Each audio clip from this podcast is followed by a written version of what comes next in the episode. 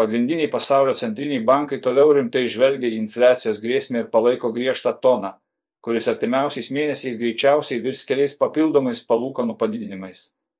Todėl rinkos dalyvių viltis sulaukti esminio centrinių bankų politikos pokyčio dar šįmet vis labiau blėsta. FED jau planuoja kitą palūkanų padidinimą. JTV Federalinio rezervų banko pirmininkas Jerome S. Pavelas sakė, kad šiais metais greičiausiai reikės dar bent du kartus padidinti palūkanų normą. Kad infliacija sumažėtų iki JTV centrinio banko siekiamo ilgalaikio 2 procentai tikslo. Dauguma komiteto dalyvių tikisi, kad iki metų pabaigos bus tikslinga padidinti palūkanų normas dar daugiau kartų, sakė J. Pavelas. Infliacijos spaudimas toliau išlieka didelis, o iki 2 procentų infliacijos sumažinimo dar reikia nueiti ilgą kelią. Šiuo metu bazinės FED palūkanos yra 5,25 procentai rėžyje.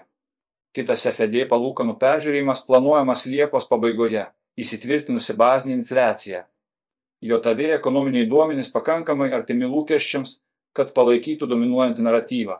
Toliau vyroja didelės vartotojų išlaidos, o bazinė PCE infliacija yra įstrigusi 4,5 procentai rėžyje.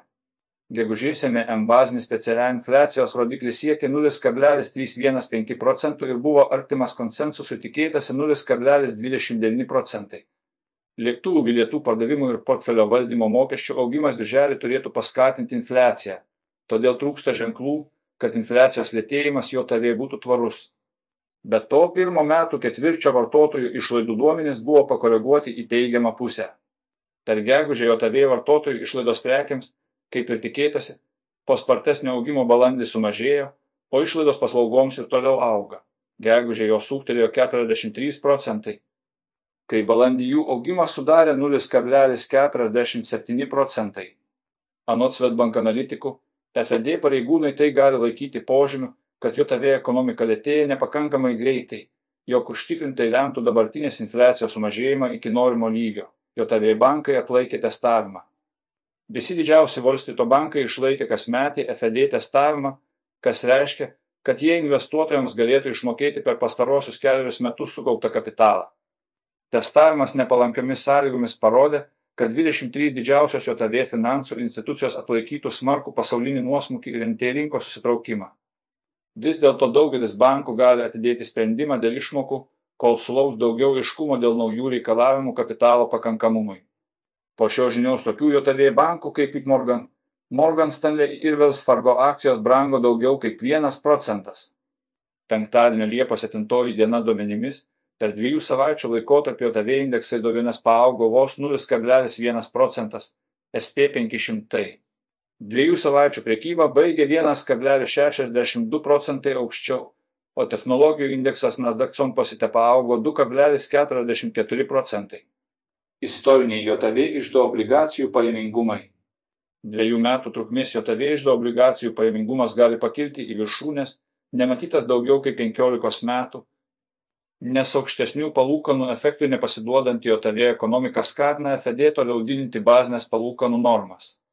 Minėtos trukmės JOTV išdo obligacijų pajamingumas galėtų viršyti 5,22 procentų lygį ir tapti didžiausias nuo 2006 metų, jei, kaip dabar tikimasi, FED bazinės palūkanas padidintų dar du kartus iki 5,75 procentų ribos. Tokiu atveju 10 metų trukmės JOTV išdo obligacijų pajamingumas priartėtų prie 4 procentų.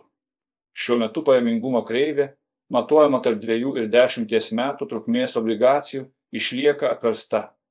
O jos inversijos lygis pastarosiomis savaitėmis šiek tiek sumažėjo ir dabar siekia minus 88 bazinius punktus. Jo sumažėjimą iš esmės lėmė didesni 10 metų obligacijų kainų sviravimai.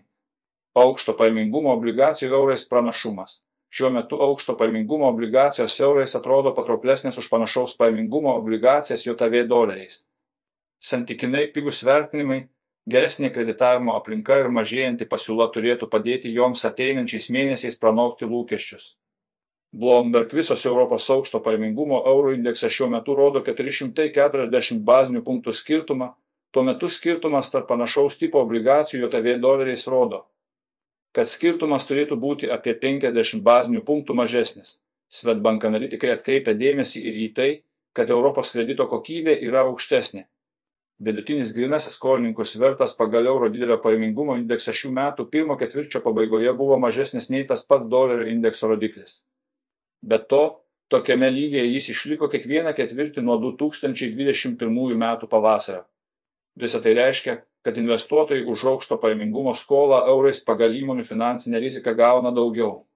Turint omenyje tokį rizikos ir naudos santyki, tikriausiai nieko keisto, kad neseniai atlikta Bloomberg inteligencija apklausa parodė, jog investuotojai pirmenybę teikia aukšto pajamingumo obligacijoms eurais, o ne JAV doleriais.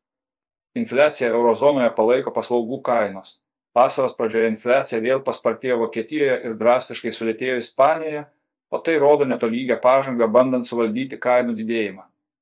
Praėjusiu metu palyginamosios bazės efektas, kai Berlyno vyriausybė pasiūlė piliečiams įtin pigius geležinkelio bilietus Birželį vartotojų kainų augimą padino iki 6,8 procentų, tuo metu Ispanijoje infliacija pastebimai susitraukė žemiau politikos formuotojų užsibriežto 2 procentai tikslo.